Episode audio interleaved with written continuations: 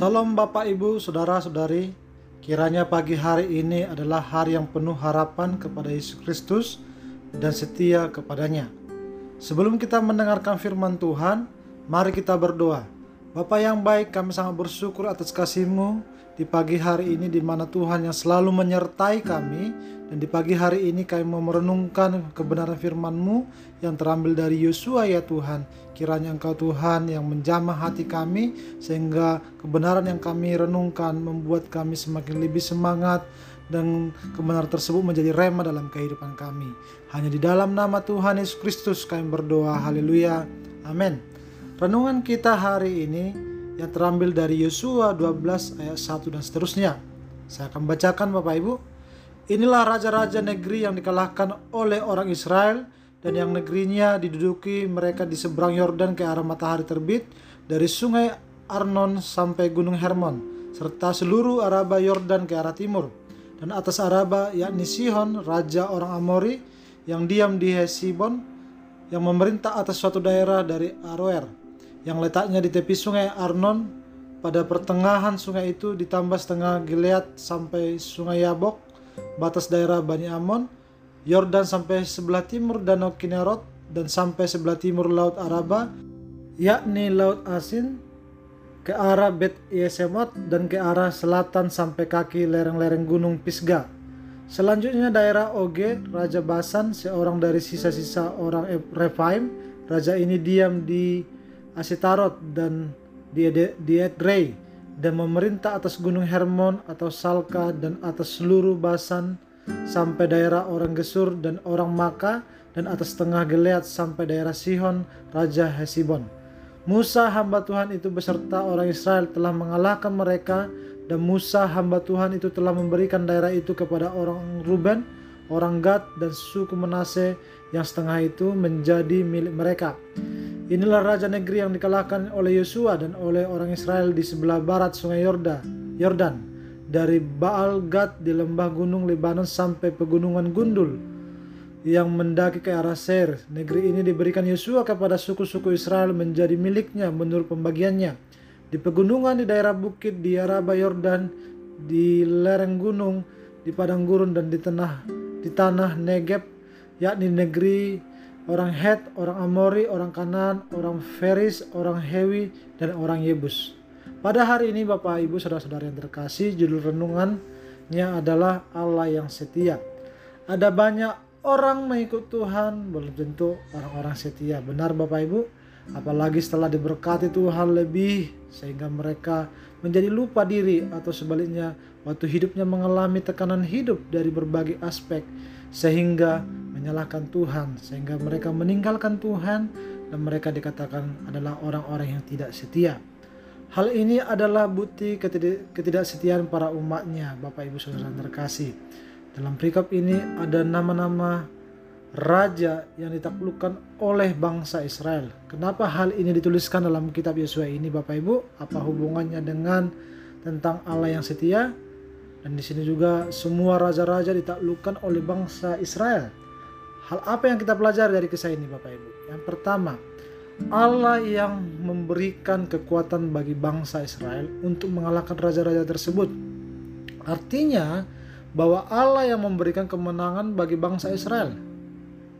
Tuhan yang bekerja, Tuhan yang ikut berperang, Tuhan yang memberikan mereka kekuatan untuk mengalahkan raja-raja pada waktu itu. Aplikasinya untuk saat ini Bapak Ibu adalah segala kesuksesan yang kita raih atau keberhasilan-keberhasilan jangan lupa bahwa Tuhan ada di sana yang berjuang menolong kita. Tetap rendah hati dan sadar semua karena seizin Tuhan, semua karena kebaikan Tuhan sehingga kita mendapatkannya.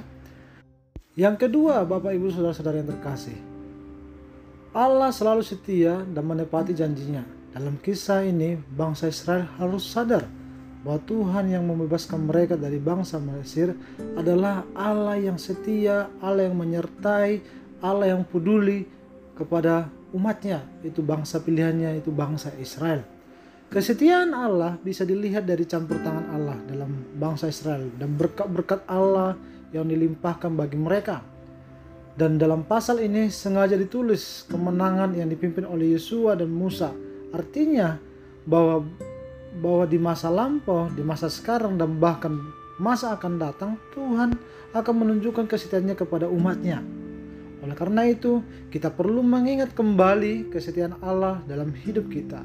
Sehingga hal itu membuat kita belajar setia terus-menerus kepada Tuhan.